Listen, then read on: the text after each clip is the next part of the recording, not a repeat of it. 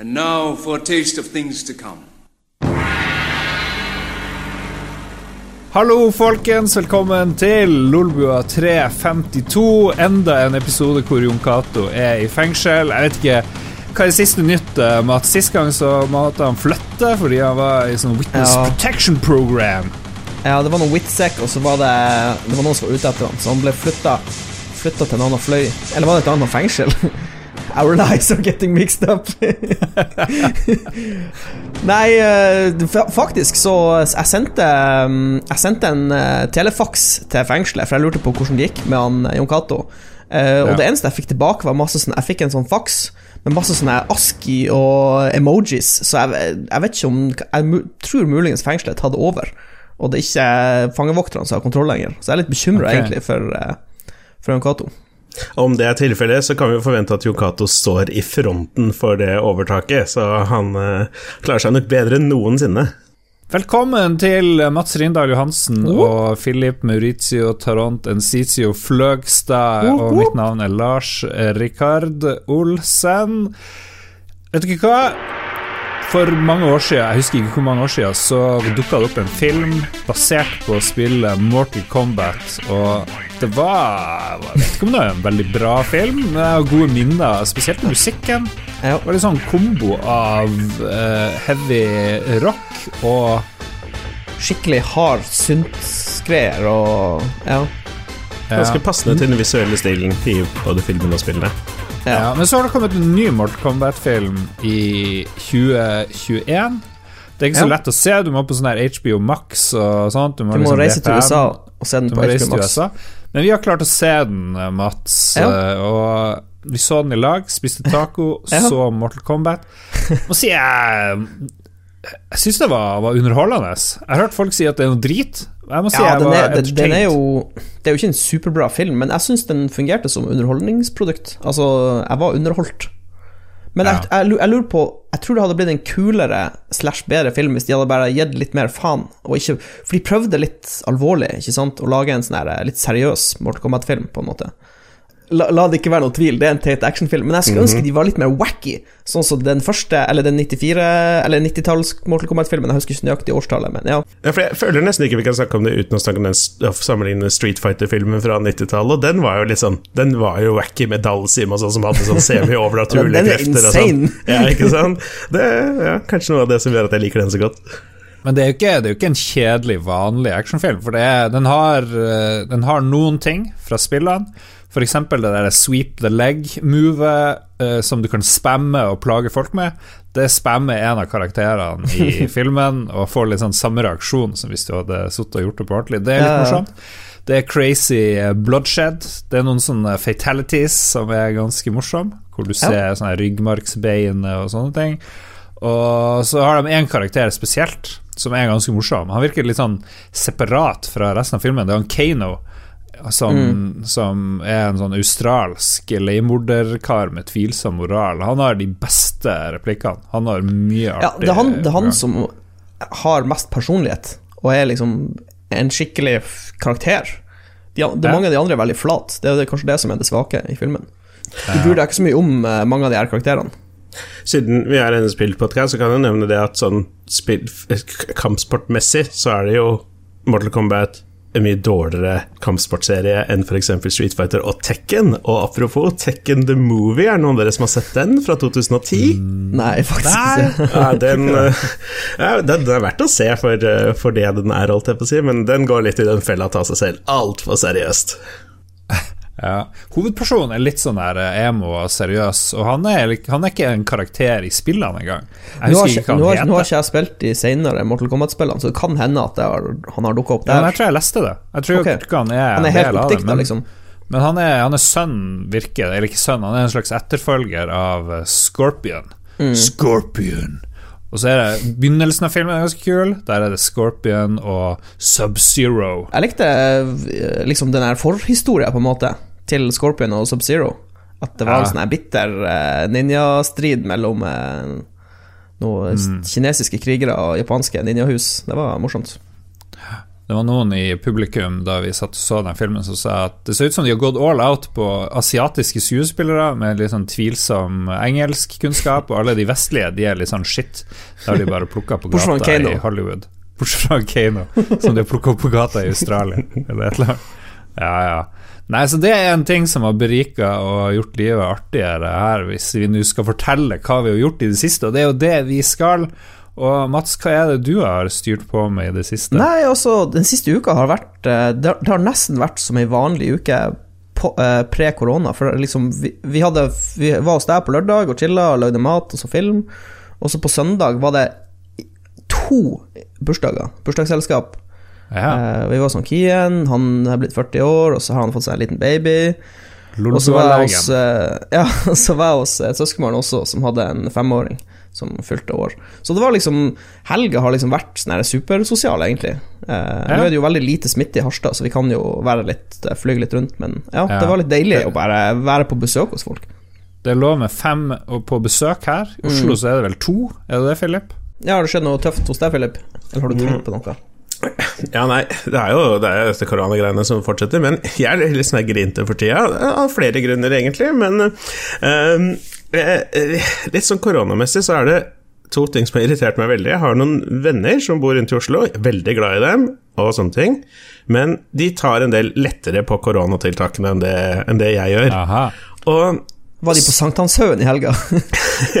jeg vurderte å sende en melding og bare Hei, koser du deg i parken oppå der nå? Men eh, ja, det kunne vært, for de har, liksom, de har vært mye i parken og sånn i det siste. Og så har de liksom Ja, jeg kom en tur i parken, og vi er en stor gjeng, men vi holder en meters avstand og sånne ting. Og jeg er sånn Hvis jeg drar i parken med en, folk, eh, med en gjeng folk og drikker litt øl og koser meg, så kommer ikke jeg til å tenke på å overholde én meter avstand til alle hele tiden, og da er det liksom kanskje bedre å bare være litt forsiktig.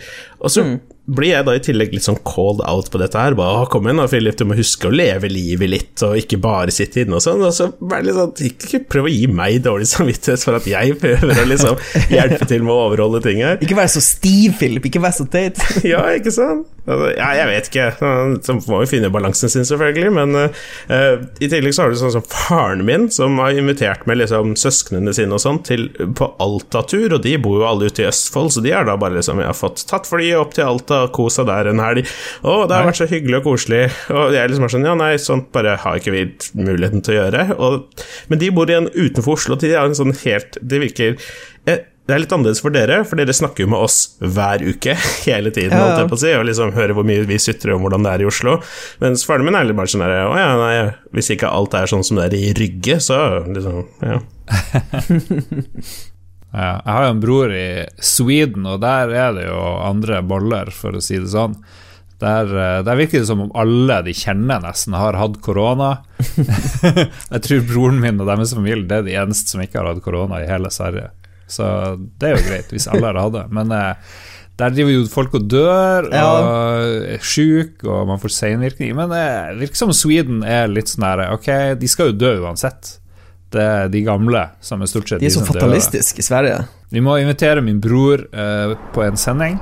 Jeg Ja. har jo din gamle mikrofon. Jeg har tenkt å sende Ja, den, send den til. Sverige. Jeg har jo ikke gjort det. Jeg må, jeg må gjøre det. det. Så, så får vi med Jan Fredrik Olsen, Le professeur Le professeur. de matematikk.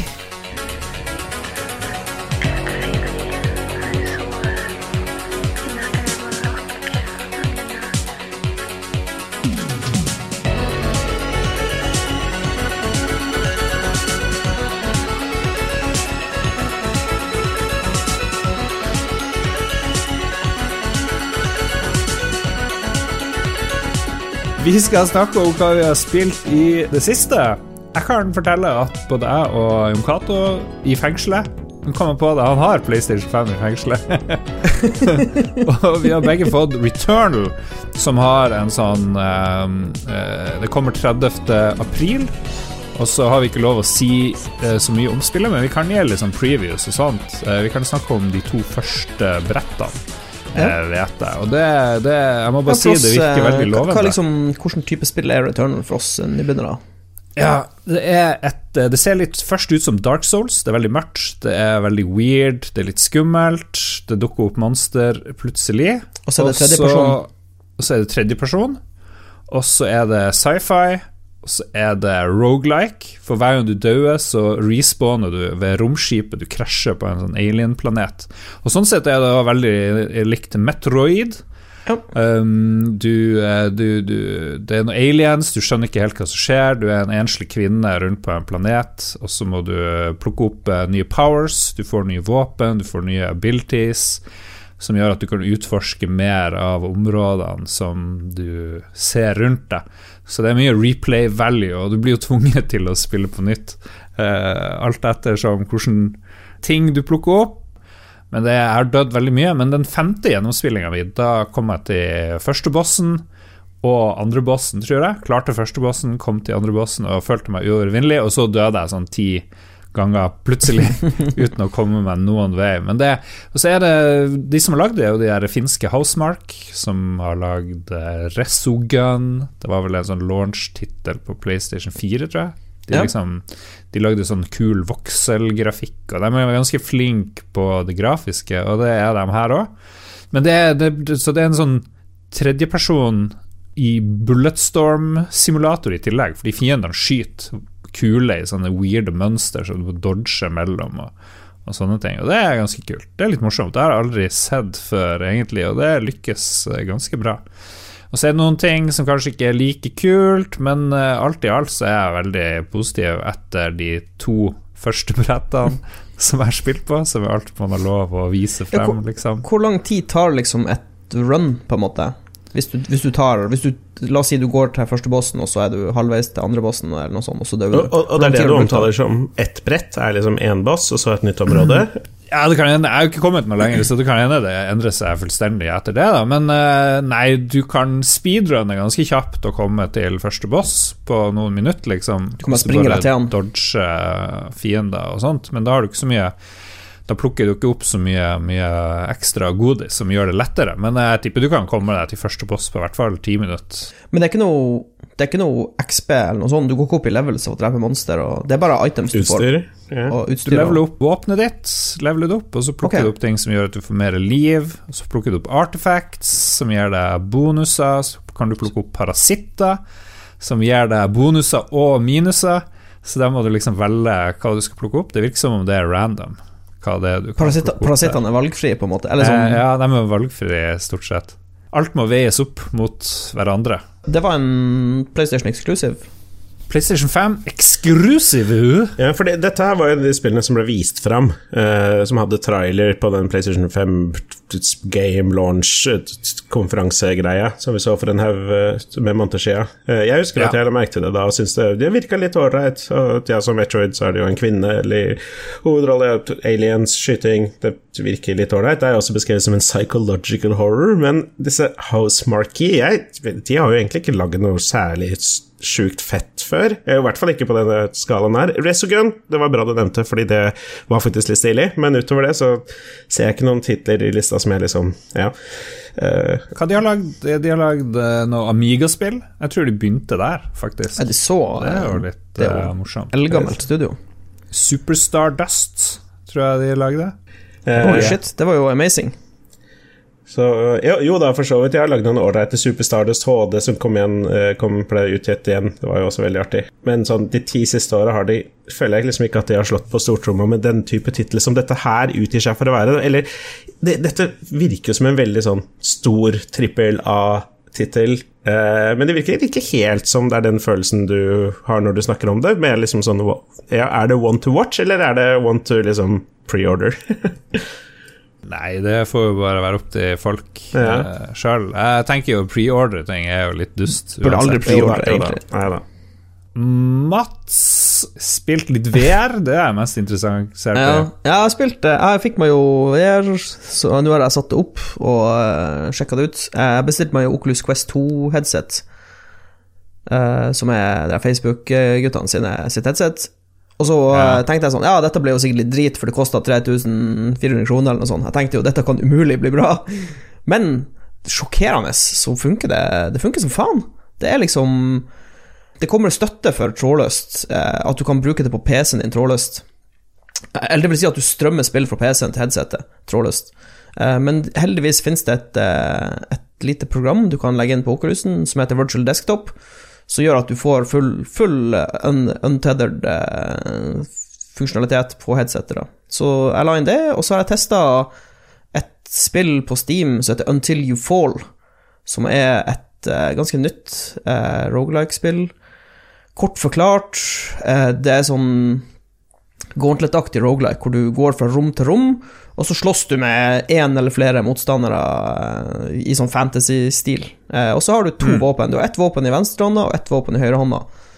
Eh, og så har du, ma du, du masse sånne forskjellige våpen du kan velge mellom å låse opp og oppgradere. Så er det bare blokker.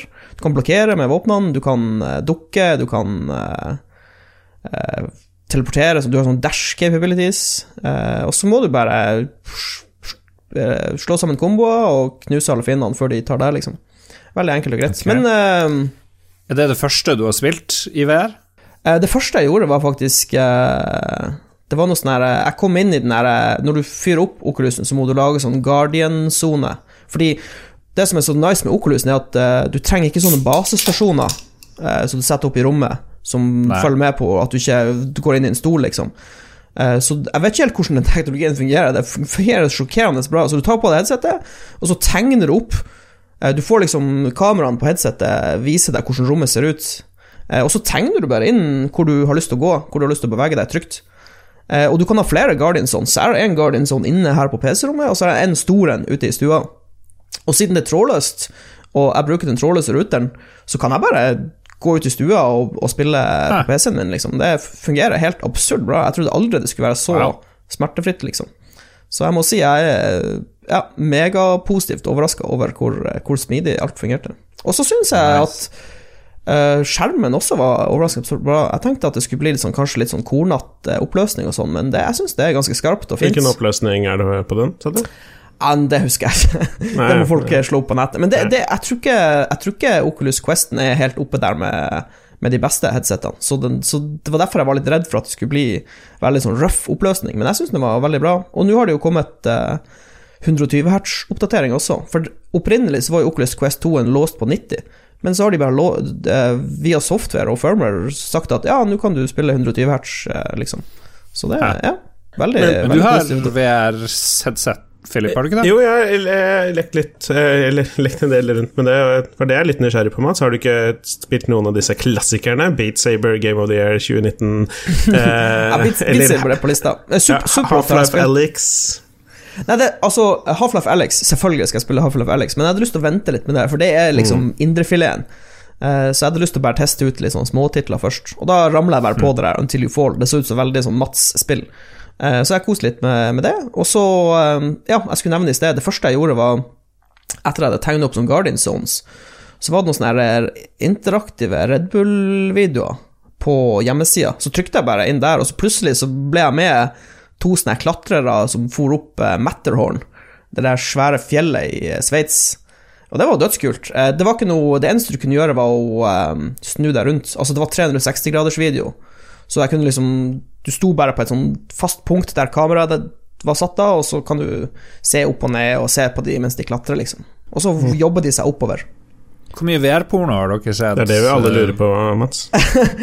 Ja, f- eh, jeg må være knusende ærlig, jeg har ikke sjekka ut VR-porno ennå, men det, er, det må jo selvfølgelig testes. Men jeg vet ikke helt hvordan lage man går fram.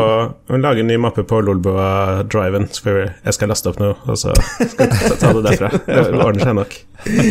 Ja, men Det lurer jeg jo på. Det høres ut som eh, Philip muligens har testa det her. Det, det, Ja, jeg, jeg, jeg skal, skal stå inne for det. Jeg er interessert i nye opplevelser, og VR-porno er en av de. Det, det er, er du avhengig av VR-porno nå, eller? Nei, det var en liten periode hvor, eh, hvor 2D-porno holdt jeg på å si, var liksom ganske kjedelig, men nei da, det gikk, det gikk fort over. Det er altfor mye stress, enkelt og greit. Nå har jo ikke jeg Ja, det er det så som Det er det jeg Eller, det er ikke Men- så mye stress. eh, men nå- jeg for- har, hvordan, hvordan headset har du, Philip? Ja, for jeg brukte sånn Lenovo Windows VR-headset, og Ok, det er ja. jo med masse ledninger og sånn. Ja, det det er, vet eh, du. for deg så er det jo bare til å slippe det på og bare liksom, sånn her.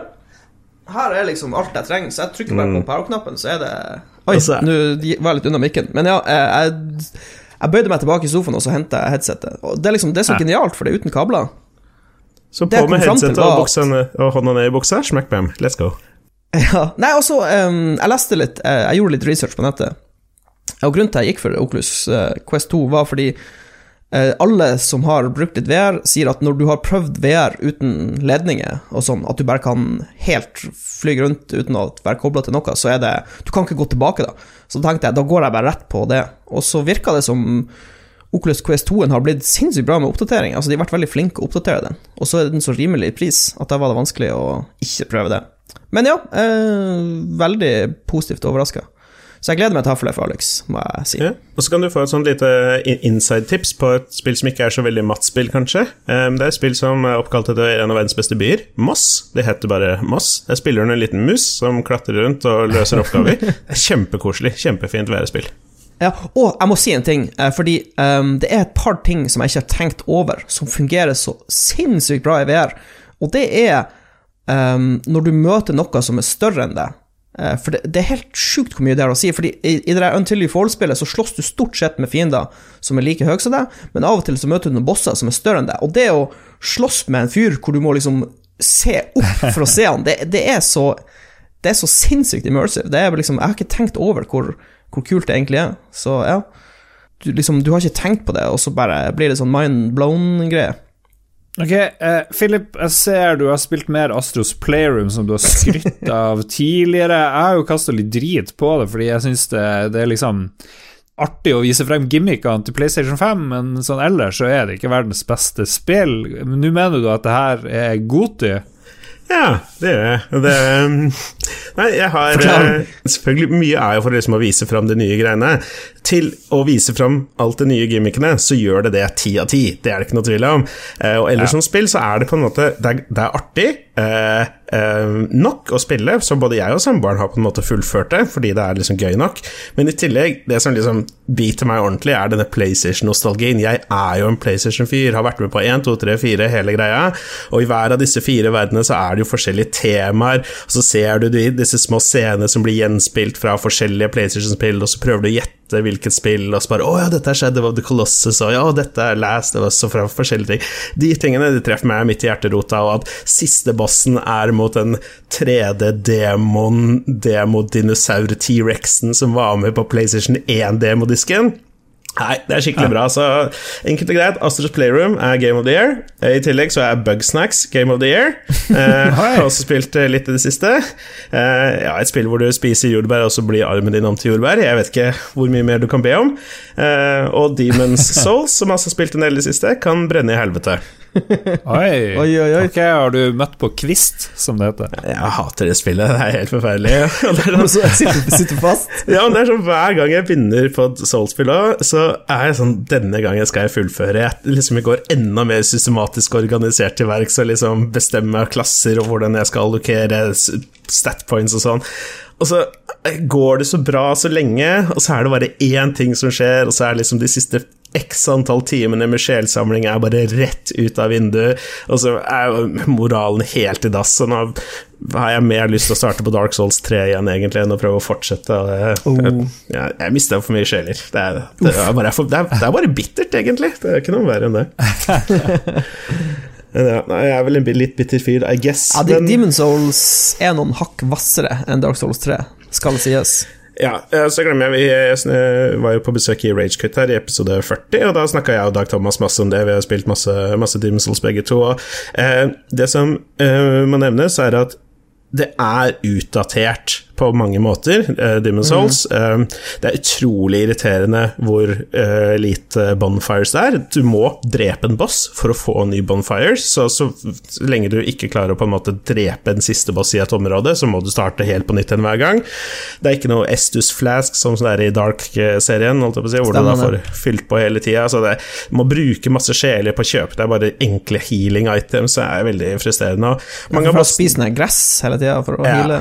Ja, og de kaster liksom mange tusen sjeler veldig kjapt. Altså, det ja, ja. liksom, um, og mange av bossene er veldig gimmick-baserte, så du ender ofte opp med liksom Bossene er ofte ikke det verste, egentlig. Eh, Noe som Den ofte er i dag. Den massive gauntleten før bossen, som du gjør hver gang du feiler på bossen. Ja, det er mye mer frustrerende. Desperat prøve å plukke opp de sjelene. Så ja, nei, jeg tror jeg, jeg tror jeg bare må la det ligge litt, grann, jeg. Ja, Komme tilbake igjen senere. Ja, eventuelt. Eh, men jeg har fått spilt masse i par siste ukene, faktisk. Og et spill jeg har lyst til å nevne, er, som også er PlayStation 5 eh, ikke eksklusivt, kanskje, men eksisterer der, er et spill som heter Makett. Um, det er eh, for å, uh, for å reflektere litt uh, sjelen til Jon Cato, for det er jo lagd av Annapurna Interactive, som er et selskap som han har nevnt flere ganger tidligere her. Står bak en del artige spill, og de har et spill til PlayStation 4, PlayStation 5 og Windows som da heter Maquette. Det er et puzzle adventure-spill som er ganske ålreit. Det er ikke sånn kjempebra, men jeg tror det er gratis på PlayStation 5, og da også kanskje PlayStation 4, hvor du eksisterer i et lite område med noen bygninger, og så må du jobbe med størrelser, enkelt og greit. Du kan gjøre noen objekter større og mindre, og så må du bruke de til å løse puzzles, så det er veldig visuelt fint. Kanskje litt simpelt, men det er lagd av Annapurna Interactive, så hvis du vil ha litt kred når du snakker om videospill, så kan du alltid spille det. Skal vi se Hva annet er på din liste? Du har begynt litt på Celeste, det må vi jo nevne, for det er jo et av verdens beste spill. Ja, I hvert fall årets spill i et eller annet år. Jeg syns det var helt fantastisk. Ja, for egentlig så hadde jeg tenkt Nei, nå holder det å snakke om spill, dette, vi får overlate litt til de andre, men jeg måtte legge til litt til, for jeg starta på Celeste. Um, det er jo det du snakket om her før. Plattformspill. Ja, plattformspill. Veldig, veldig artig. Det er lagd av de samme som har lagd Towerfall Ascension. Eh, hvordan uttales det? Ascension. Ascension. Ja, sånn. Det var det. Eh, og det spillet syns jeg er helt fantastisk kult. Jeg elsker det spillet. Noe av det morsomste couch versus co-open man kan ha. Eh, og, og, dette Celeste er jo kjempefin. Kjempeartig. Uh. Ja, jeg har ikke kommet veldig langt, men jeg syns det er definitivt verdt å nevne, for det er også et spill som, som, er verdt å se på hvis du ikke har gjort det. det veldig fin, koselig musikk, og det tok meg kanskje liksom 20 minutter å skjønne hvorfor dette spillet har fått så mye hype, men det er, uh, det er veldig utfordrende på en, uh, på en litt spesiell og annerledes måte. Til å avrunde hva jeg har spilt i det siste, så har jeg fullført det helt fantastiske It Takes Two for et par dager siden. Det tok, tok litt tid, men vi har tatt det litt sånn i, i, etapper for å sørge for at det varte en stund. For det spillet er skikkelig, skikkelig bra. Det, det må et, vi gjøre, Lars.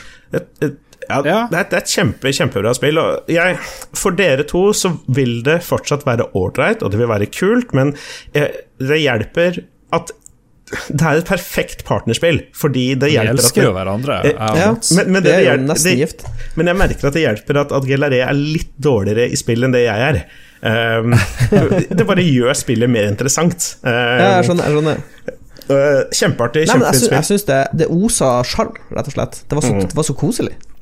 Ja, de gjør masse interessant med liksom level-design etter hvert, og det er så mye variasjon, og den boka er så artig. Kjempeartig spill, og eh, nå som vi er ferdig med det, så var det enten å spille det på nytt igjen, med å da styre forskjellige figurer, men i stedet så kjøpte vi faktisk dette eh, A Way Out, som er forløperen til It Takes Two. Ja. det var jo på 70 eh, salg nå på PlayStation, så da slo vi til på det. Um, jeg har spilt det en time. Og det er også faktisk veldig bra. Det er noe helt annerledes igjen. Er to stykker som skal slå, bryte seg ut av et fengsel, men eh, også veldig kult asymmetrisk gameplay. Du, den ene må distrahere vaktene og distrahere nursen, mens den andre sniker seg ut for å stjele et eller annet og sånne ting på split screen. Det er veldig stilig. Mm. Jeg gleder meg til å høre om dine erfaringer med Gellaré på, på A Way Out. Det er, det er interessante ting som skjer etter hvert. uh. Bye.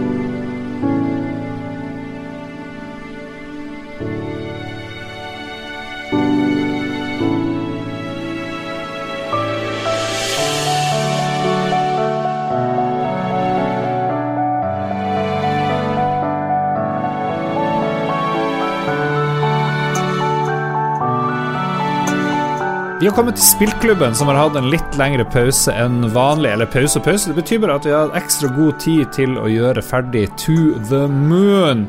Et ganske kritikerrost spill, vil jeg si. Har hørt om det veldig lenge, og så har jeg hatt veldig lyst til å spille det en god stund. Det er lagd av, skal vi se Freebird Games?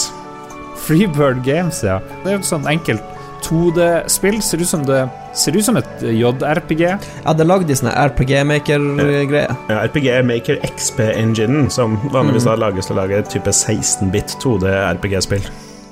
Eh, Designet av Kan Gao og, og Lanny Nely den tredje, ser det ut som.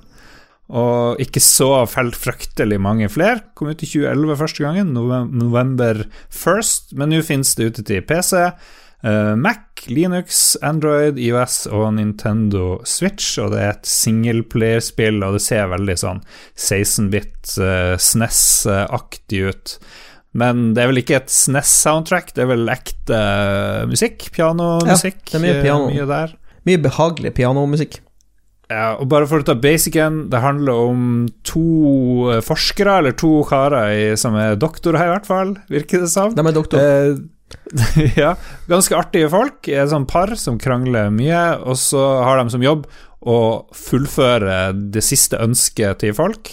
I dette tilfellet en gammel mann som er i ferd med å dø, og hans største ønske er å fære til månen.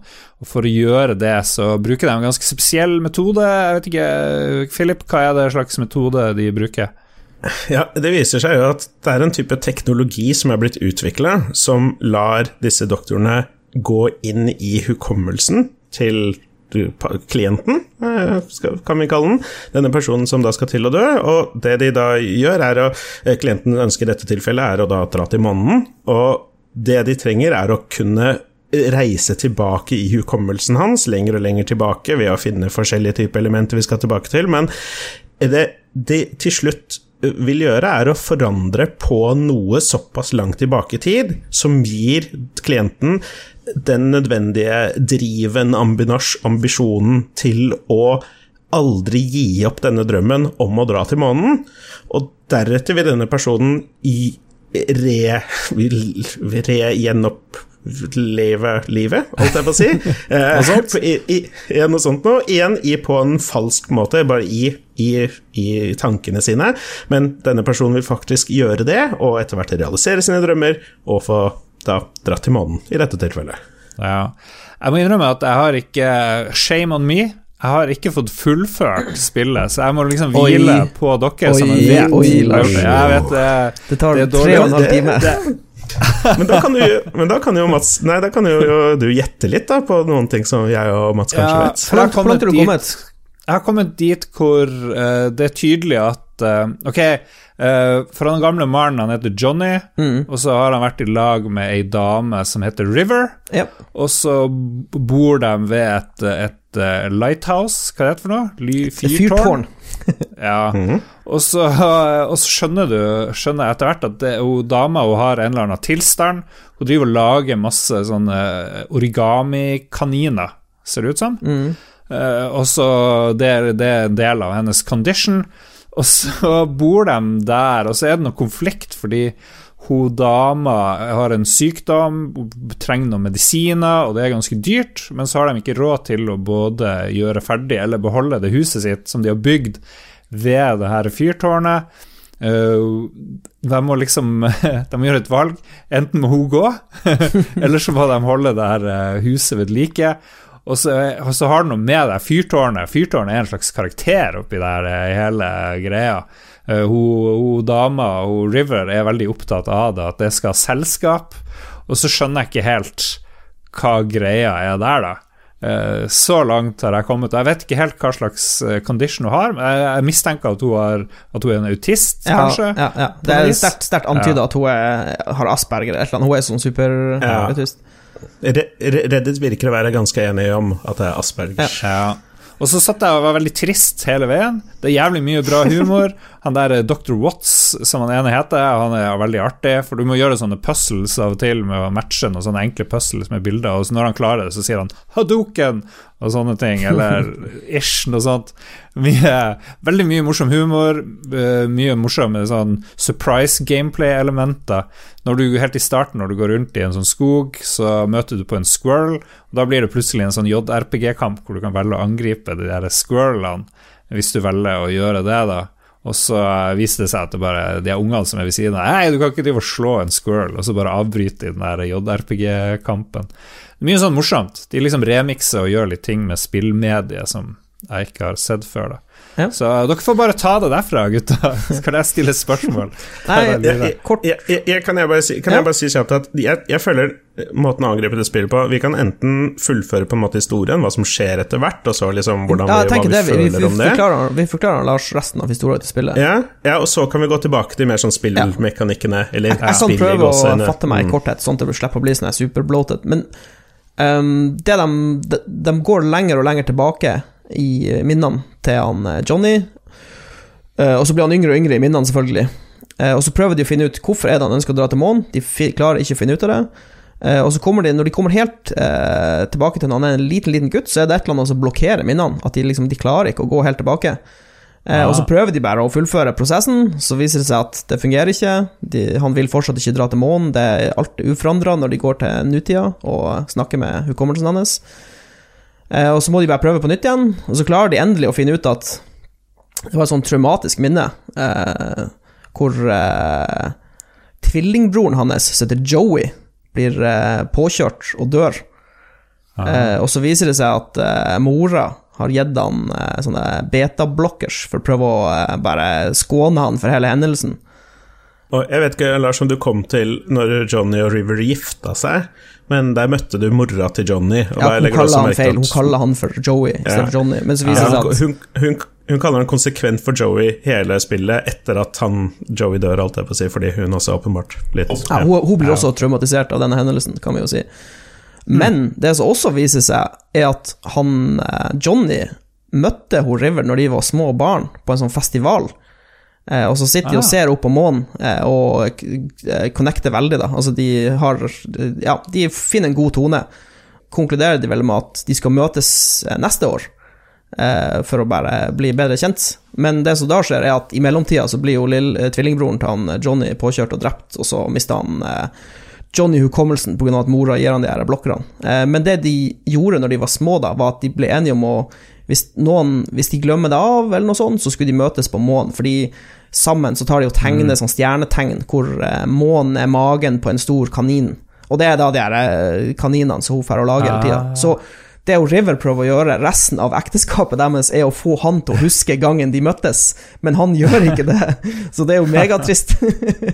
Ja, ja på, på grunn av disse to tingene at det første møtet de hadde, River og Johnny, var utrolig sterkt for River, Nettopp. som da eh, har Aspergers, hun sliter sosialt og sånne ting. Og ja, dette første møtet påvirker henne veldig. og ehm, når, eh, Vi ser også en scene senere hvor River og Johnny møtes da for andre gang, men Johnny tror det er for første gang. Ehm, og hun får vite at Hun spør ja, hvorfor er du interessert i meg, og hun får vite at Johnny sa det var fordi hun var mystisk og litt annerledes. og da er River så skuffa over at han ikke husker henne, og da, som Mats sier, bruker resten av ekteskapet på å prøve å minne han på det på Come den beste on. måten hun kan, via sin aspergers, ved å lage disse, disse rabbitene og kutte Ja, og klippe håret kort, og den kjolen hun har på Ah. seg, den kjolen de hadde, hun hadde på seg når de møttes. Så, ja, så det, Det det er jo tragisk deluxe. veldig, veldig, veldig, veldig tragisk. Men det, det som Hvorfor er sier hun ikke bare at de møttes For hun er for hun er superautist, Lars. Ikke sant? Hun sliter jo.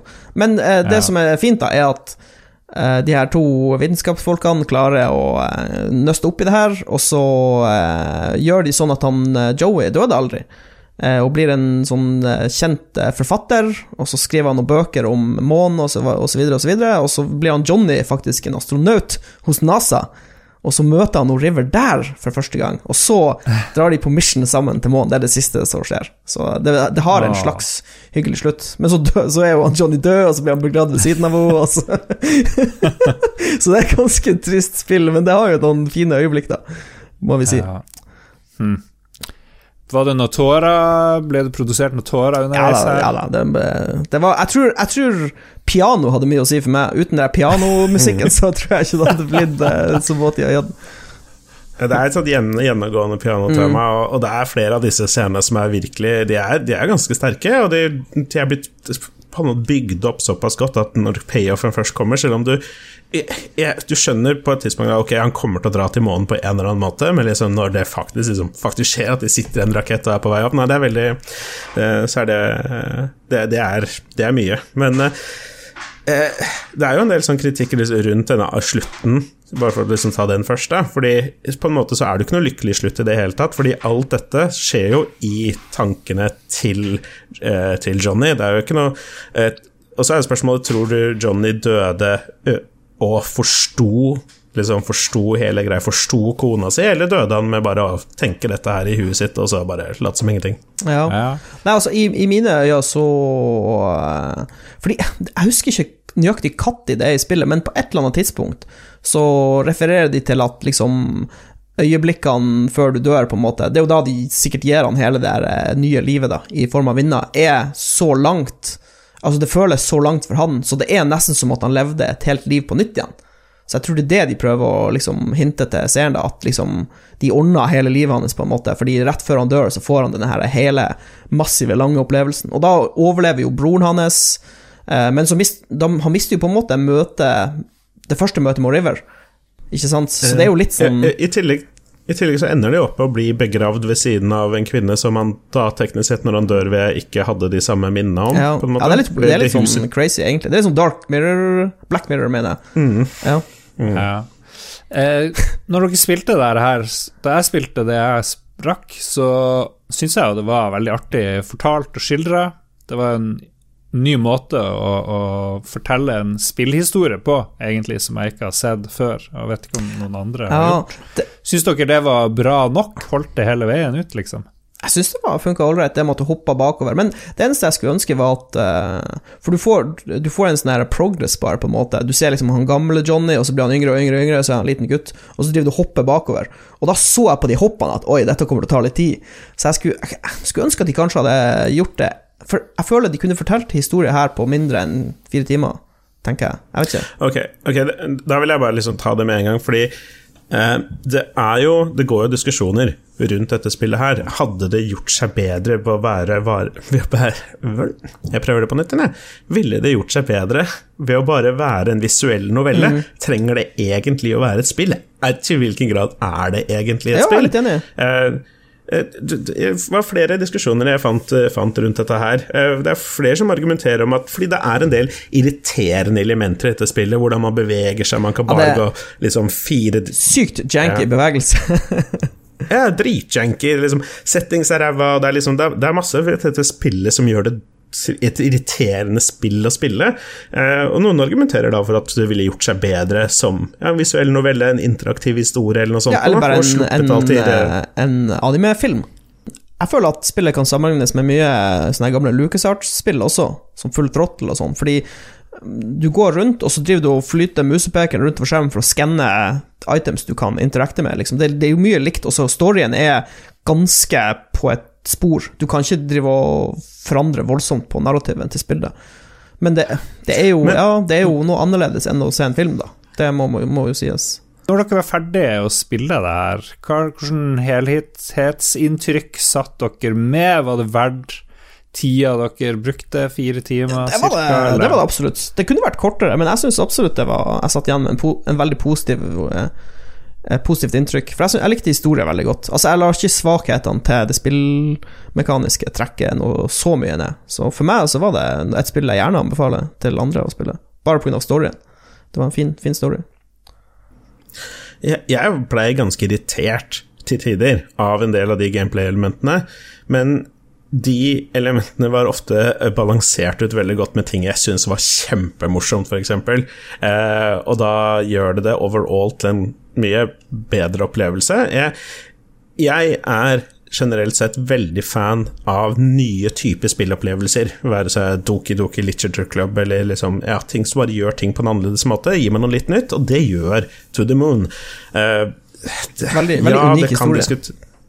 Ja, det er en unik historie, og den fortelles på en unik måte. Eh, eh, og så kan man kanskje diskutere om den måten hvor i grenselandspill visuell novelle ligger akkurat det, og kunne det blitt gjort annerledes, men som det er, så er det definitivt fire timer som er verdt å få med seg hvis man er liker spill og kan tenke seg å liksom utforske det med det litt. Ok, vi har bedt eh, lytterne om eh, bidrag. Vi skal få et lydopptak som eh, fettesten Trygve Solli har spilt inn, men først så har vi blant annet Splurte hardt fått respons fra Spruce Man, som sier at det er en flott historie fortalt på en fin måte med god musikk, og humoren traff uh, veldig godt. Jeg syns jo humoren jeg fikk med meg, var veldig bra. Elska han Dr. Watts, som driver og skryter over at han spilte Sherlock Holmes på skuespill som barn og sånn. Dialogen er helt magisk. Uh, og han skriver òg at det hadde fungert bra som en Black Mirror-episode, så han er litt ja. inne på, på det. Og så skal vi få høre fra Fetthesten. To the Moon spilte jeg da første gang for eh, ti år siden.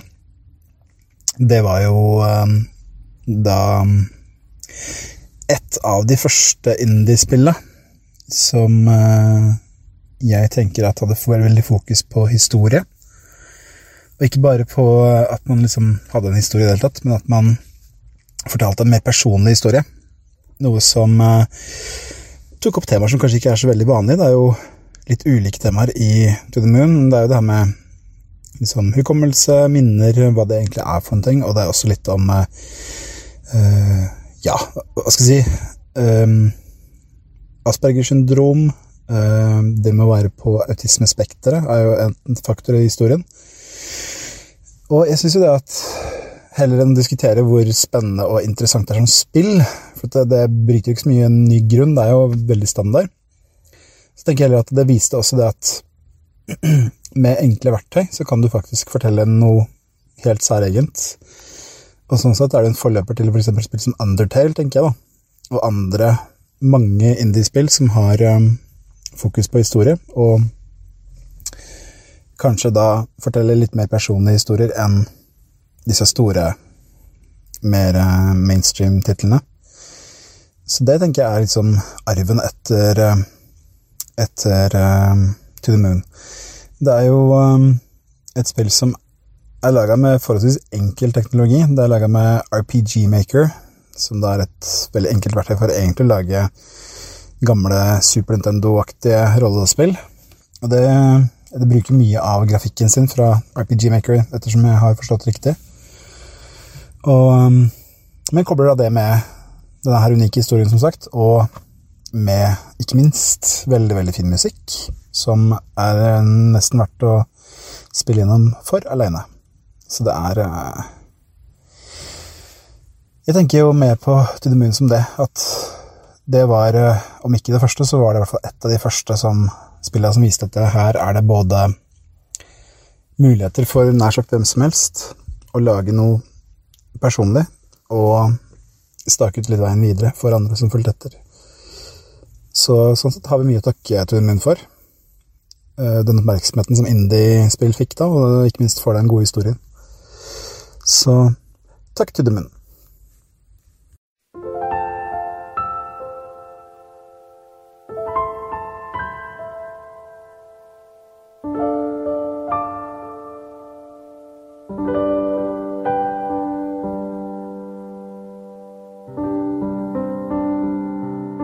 Vi skal anbefale ting, folkens. Vi skal gjøre livene bedre for de som uh, lytter til LOL-bua. Og Filip, du har noe som Tja, jeg, vil, jeg, mener det gjorde livet mitt morsommere, i hvert fall i går kveld. For jeg, du tipsa meg om det, og da måtte jeg se fire og en halv episoder på rappen. Jeg trodde ikke vi skulle snakke om de pornogreiene. Å, oh, shit. Vi snakker i tillegg om Eh, vi drar det tilbake. Lolbua-lyttere vil kanskje huske at både jeg og Lars har vært i skyene over fantastisk separate reality, og noe av det beste, det er The Circle. Som eh, for de uinnvidde handler om eh, åtte mennesker som bor i åtte leiligheter, og de kan utgi seg for å være hvem de vil på en sånn lukka sosial medieplattform. Og hver dag så det, stemmer de over hvem som er mest populær. De to mest populære blir influensere, og de skal stemme ut en av de andre som da blir blokk uka. Uh, utrolig teit, utrolig artig. Um, og nå er sesong to her. Uh, tipsa Lars om det i går, og nå Hvor mange episoder så du, Lars? Nei, jeg så jo fire og en halv episode, eller så jeg fem, jeg husker ikke. Men det, det, som er artig, det er jo at alle må være inne på sin leilighet, de går ikke ut derfra. Og så snakker de gjennom sånn et sånt rart sosialt medie som de kaller The Circle, og så kan man utgi seg for å være hvem som helst. Så plutselig dukker jo Lance Bass opp eh, fyr fra NSYNC. Men det er jo ikke lads Best, det er personlig assistenten hans, som på ganske udugelig vis prøver å late som at hun er han. Så har du menn som prøver å være kvinner, kvinner som prøver å være menn, menn som prøver å være andre menn. Kommuniserer de bare via liksom kommentar... Tekst. Eh, tekst. Ja, ok, da forstår jeg. Ja. Ja, ja.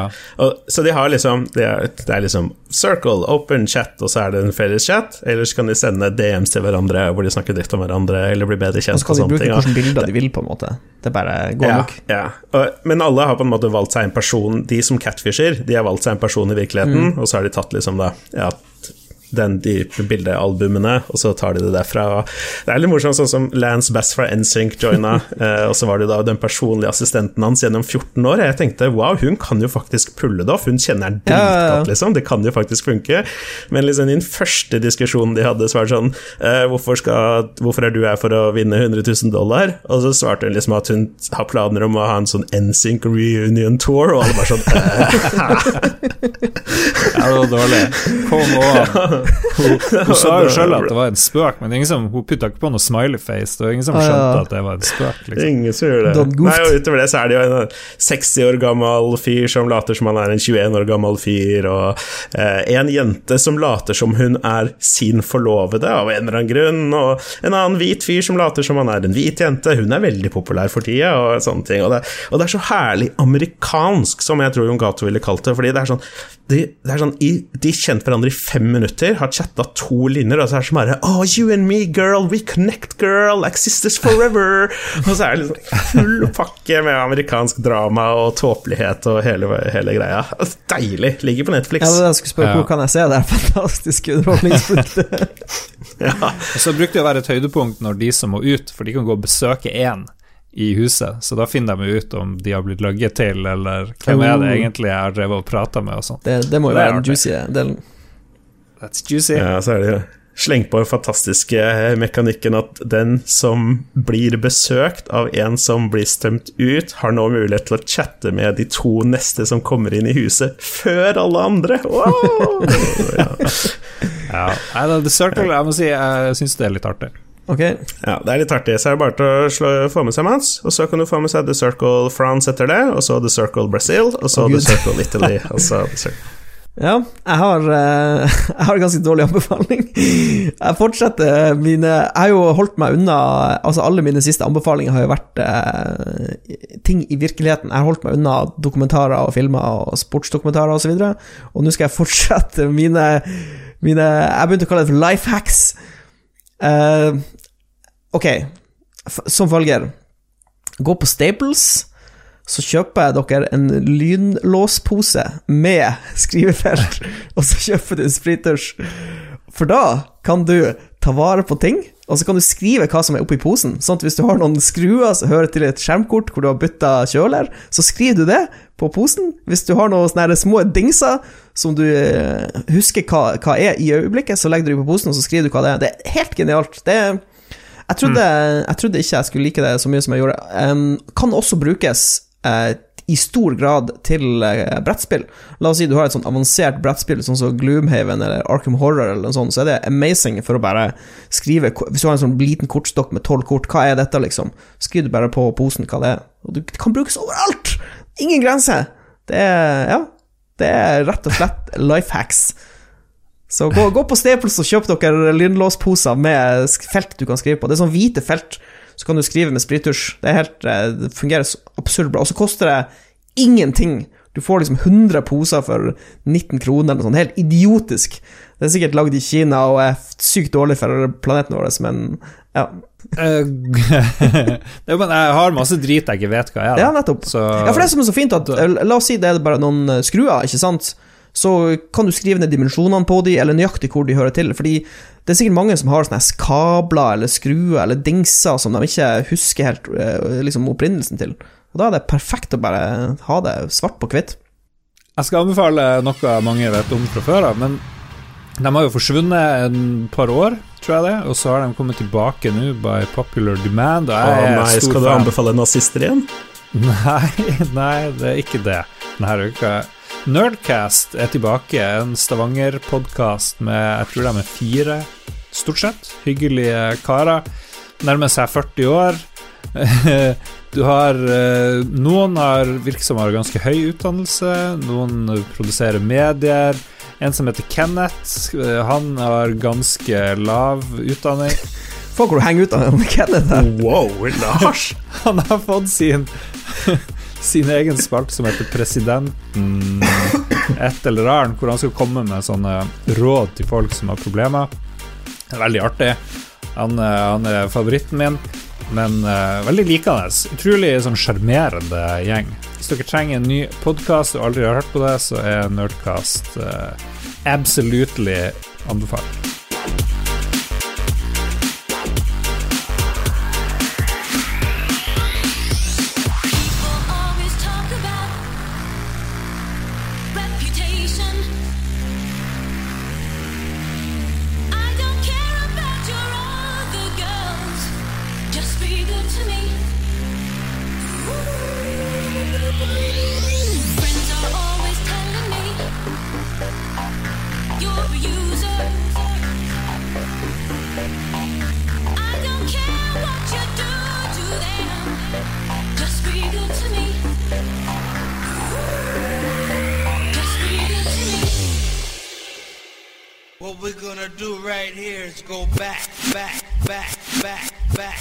Vi er kommet til lytterspalten. Vi hadde ingen spesielle tema denne uka her. Og vi begynner med Ståle Balvinsson, vår gode venn. Ståle. Ståle. Hva syns Jon Tarkov om maten der han er nå? Og han er jo i fengsel, og siden han er state witness, så får han jo mye pommes frites. Det er mitt tips. Ja. Han Det har er gått ned overraskende lite. potetbasert eh, mat. Ja, ja, fordi jeg tror fengselet driver og har sånn jorde. Det er sånn gård hvor de må jobbe med sånn kule rundt foten. Mm, Og akkurat nå så er han i et land hvor det er veldig gode, gode uh, muligheter for å dyrke poteter. Ja, Ok, ja. Irland. Der han blir, der han blir holdt. Ja, God hvor nå enn matjord. skulle. Ja. Jo, Han kanskje eh, er i Sør-Amerika. Litt i samme eh, område så lurer han Henning Wold på hvor lang er strafferamma for lovbruddet han Jon Taco har begått. Ja. Han lurer sikkert på når kommer Jon Cato tilbake. Det vet vi ikke. Vi vet bare at han kommer tilbake. Han eh, må bare sone ferdig og komme seg, egentlig. Så dukker han opp. Men han er jo hver uke i spillrevyen, da. Så hvis noen savner han, han har fått dispensasjon. Så han er med der. Hver mandag, Spillrevyen. Håkon Puntervold, fast ivrig bidragsyter. Han er i sitt faste hjørne, som han følger opp med fra forrige uke. Hva er deres topp tre Nes tilbehør? Det vil bare si duck hunt-pistolen med en gang. Vi må bare sende det over til eh, Mats. Mats, ja, selvfølgelig. Ok, ok, jeg har det, jeg har det klart. Jeg har det klart. Ok, det første Altså, det, det beste tilbehøret uten tvil er jo zapperen, den der pistolen. Eh, så du kan bruke til Duck Duck Hunt og sikkert noen andre spill. Eh, nummer Ja. to eh, tenker jeg blir Power Glove. Eh, Ja, uten at jeg helt vet hva en Power Glove er. Er, er bare en Power Glove en kontroller, at du kan styre liksom på handa med den? Det ser i hvert fall badass ut, så vi sier Power Glove. Og nummer tre jeg måtte, jeg måtte google nestilbehør, for jeg kom bare på Powergloven og Zapperen. Men det fantes en sånn robot som het eh, Rob, R.O.B, som visstnok var helt psykopopulær i USA når han kom. Og gimmicken der var at han kunne, hvis du hadde noen multiplayer-spill, eh, så kunne han spille det sammen med deg, på en måte. At du fikk liksom en player 2 som var han Rob. Men jeg tror bare at den støtta to spill, så det var liksom ikke sånn magisk mye du kunne gjøre med han. Men han var så jævlig kul ut, da. Jeg husker faktisk at når jeg Jeg leste jo mye sånne her, eh, spillmagasiner Når jeg var liten kid, og da husker jeg jeg så noe sånne her eh, bilder av den roboten. Jeg tenkte bare holy shit, det der er jo det kuleste som noensinne har blitt lagd. Så ja. Zapper, Power Glove og Rob. Okay, og hvis, det var- Samme med, samme med Power Gloven, den hadde også to spill som ble utgitt til seg. Og den, du kunne bruke selve det var hansken sånn til å på en måte på styre ting. Ja. Ja, du, det var, du brukte høyre-venstrearmen på å trykke på knappene, og så bevegde du høyre hånda for å ja, styre på ting. Men ja, de to spillene ble ikke packa med. Men de var, de, var, de var veldig gode på design, for alle, alle de offisielle Nintendo-tilbehøret så jo bare helt dritbra Den pistolen er jo så sinnssykt ikonisk. Alle har jo sett den på et tidspunkt. Hvis det var tilbehør til Gameboy, så må det der forstørrelsesglasset og og lys. Du hadde jo ikke backlight på den originale Gameboyen, så du måtte ha Ja. Du fikk en sånn ting du satt på toppen, så fikk du lys og forstørrelsesglass i én. Den hadde jeg. Den var amazing. Ja, den hadde ikke en dritt på Gameboy-printeren, spør du meg. Uh, Ja. Vi kan jo ta med at eh, Otto Erlend Gregersen han kom med sitt eget svar på tre beste Nes-tilbehør, og det var selvfølgelig uh, sånn her eh, power brick og bildekabel og kontroller. fantastisk. Kristoffer Gettepois Hansen, eh, hvem av oss ville gjort det best som rektor? Hashtag ledig stilling hos oss. Oi, kan vi, vi, kan vi bli rektor, folkens? Jeg lurer på ehm, Jeg lurer på faktisk Jeg tror jeg må booke ut her. Jeg tror ikke jeg hadde blitt en god rektor. Jeg er altfor snill. Jeg har for lite Lite iron will. Men jeg tror kanskje Lars For du er jo litt sånn bossman nå. Du driver jo og hersker litt med folk i eh, avisen din og sånn. Jeg vet ikke. Jeg tenkte også umiddelbart Ja. Lars, som liksom har eh, litt personalansvar, er vant til å, å ja, dra litt i trådene. Har litt ansvar. Ra La Lars, hashtag rektor. Ja. Ja. Jeg det, men- ser for meg med litt sånn whisky eh, skrivebordsskuffa og litt sånn trøtt på livet. Jeg tror jeg har blitt den rektoren der, liksom.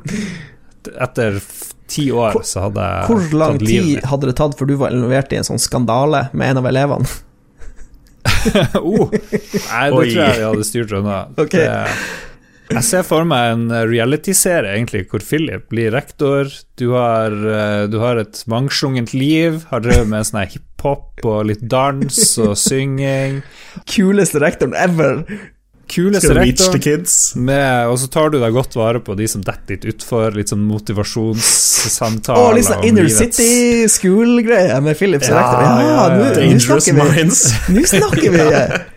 Øystein Reinertsen han har et godt spørsmål. Har vi noen tips til noen som skal flytte til utlandet? Han skal til Danmark, nærmere bestemt Kjøben, og det har vi snakka med en kjæreste å gjøre. Ok, eh, da har jeg faktisk et litt sånn proxy-tips. Snakk med gjedda, for eh, Kjøben er visstnok uh, destination numero uno, ifølge han. Så jeg tipper han har masse hot, hot tips til Danmark-basert opphold. Spe Ja, Men han skal jo ikke dit på ferie, liksom. Det er sant. Men jeg vil jo tro at det er litt sånn Altså det er litt sånn overlap med noen av ferietingene. Tror du ikke det? At du liksom kan bruke det i det daglige livet. Her kan du liksom spise eh, sinnssykt bra rødpølse. Her kan du dra på tivoli i helga. Litt sånne ting. Nor Norge vant jo en Oscar indirekte her i natt. Da fikk jo, Det var vel en norsk fotograf, eller hva det var, i den der Drukk. Ja. Et, Et glass til. glass Mm. til, eller hva farsken den heter. Skål? Hva Ja. heter den filmen? Det heter Druk. Ja, det heter dr- Druk. druk. Og der er det jo Da gjorde jo jeg litt research da vi så den filmen, jeg fant jo, fikk jo bekrefta at danskene har veldig høyt uh, alkoholkonsum sammenligna med Norge osv., så, videre, så Ja. Reinertsen må bare forberede levra, egentlig. Må begynne å drikke heftig nå, og han jobber jo i Vinmonopolet, Holy shit. hvis jeg husker rett. Da har han jo access. Alle, han har alle forutsetninger for å bare pøse på med vin og øl, egentlig, med en gang. Ja. Uh, som har dere tips til noen skal flytte til utlandet? Han har allerede gjort det jeg ville tipse om. Er flytte til en kul by. København, kul by. Høres ut som han har vunnet allerede der. Et et tips kan jo være å bo i Malmö, for det er mye billigere å bo i Malmö og så pendle inn. Men da må du kjøre over den brua hver dag.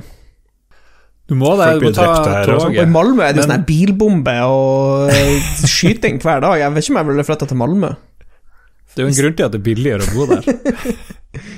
Eh, Carl Thomas eh, spør hva vi syns om Capcoms FOMO-strategi på demoen til Resident Evil Village. Kontekst. Capcom har lagt ut to demoer de siste ukene, men du får bare spille i 30 minutter innafor et vindu på 8 timer. Noen har kalt det et Resident Evil-puzzle bare for å skjønne når, når og hvordan du kan teste det, mens andre mener at Capcom ikke respekterer folks tid ved å gjøre den så utilgjengelig. Hva syns lolokratiet? Jeg vil bare legge til at det er enda mer avansert enn det Karl Thomas gir uttrykk for. For på, det er PlayStation 4 og 5-eiere får den 18. april tilgang til Village-delen av demoen i åtte timer, og de kan spille maks 30 minutter. Ja. Og så den 25. april så får de tilgang til Castle-biten av demoen. Og så da i 30 minutter i en 8 timers vindu. Og så 2. mai, PC, PlayStation 4, PlayStation 5, Xbox, Xbox blablabla, og Google Stadia.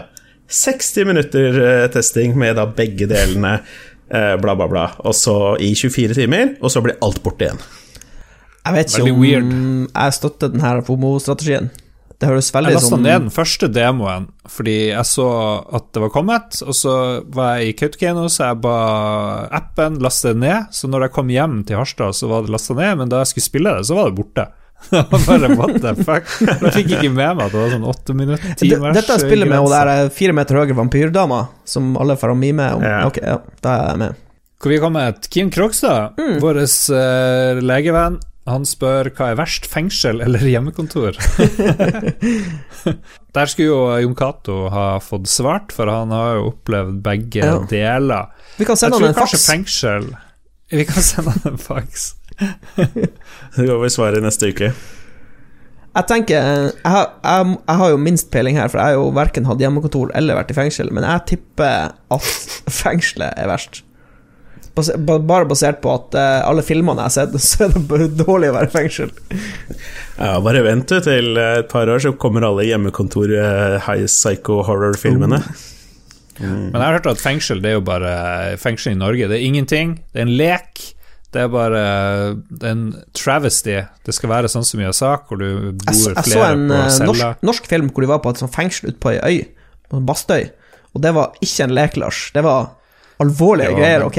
Så du kan ikke bare de har ikke, lest, de har ikke lest på Facebook nok, for der har jeg sett at norske fengselsvesen, det er en lek. Sånn er det. Ok, ok. Jeg tror Patrons ville betalt godt for en sånn spesialepisode med en uke, en uke med Lars i fengsel. Bare sånn for å Kanskje vi oppleve får det. det til å skje. Hvordan havner man en uke i fengsel? Hva må jeg gjøre for å komme dit? Spørre pent, jeg vet Ja. Ikke. Si, si du gjør det for en podkast. Så slipper du det sikkert inn med en gang. Hmm. Vi avslutter med Trond Trollestad, ser det ut som. Som kommer med en veldig, veldig dynamittkubben av et spørsmål. Hva er den beste podkasten i Lolbua-universet? Oh. oh, mamma. Har vi gitt ut den siste Roffelbua? Er den ute? Nå husker jeg ikke det. Nei, tenk han, tenk han på, ikke tenker han på episode, episode, eller tenk han på liksom, hva er best av Ragequit og Likos univers og Lolbua og Spillrevyen? Eller liksom, ja.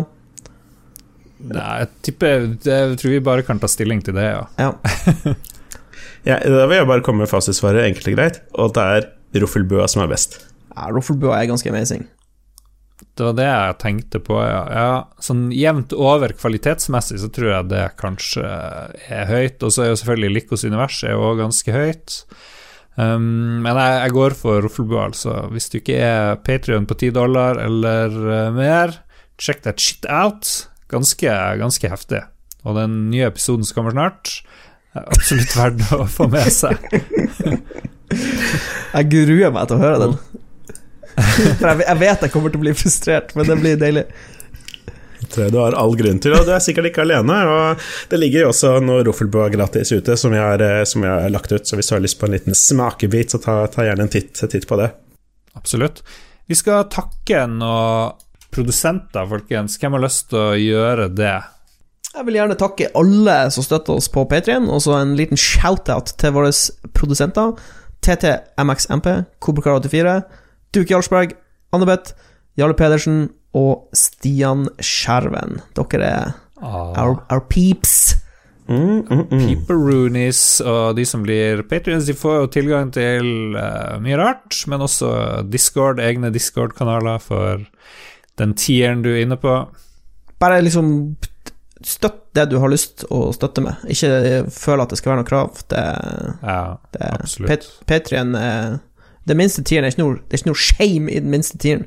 Så skal vi gjøre vårt beste for å gjøre oss fortjent til det. Eh, Det er en ny Roffelbua i, i emning nå, og Christian driver og, og planlegger en quiz basert på personligheter, annet, i Lolbua, så det kan bli Og det kan jo se ut som vi må på et tidspunkt leie inn noen spesialister for å gjennomføre et heist for å få Jon Cato ut av fengsel. Og det Oh. koster, det koster å gjøre heist, folkens. Det gjør det. Da sier vi tusen takk, folkens. Tusen takk. Ha det bra. Ha det.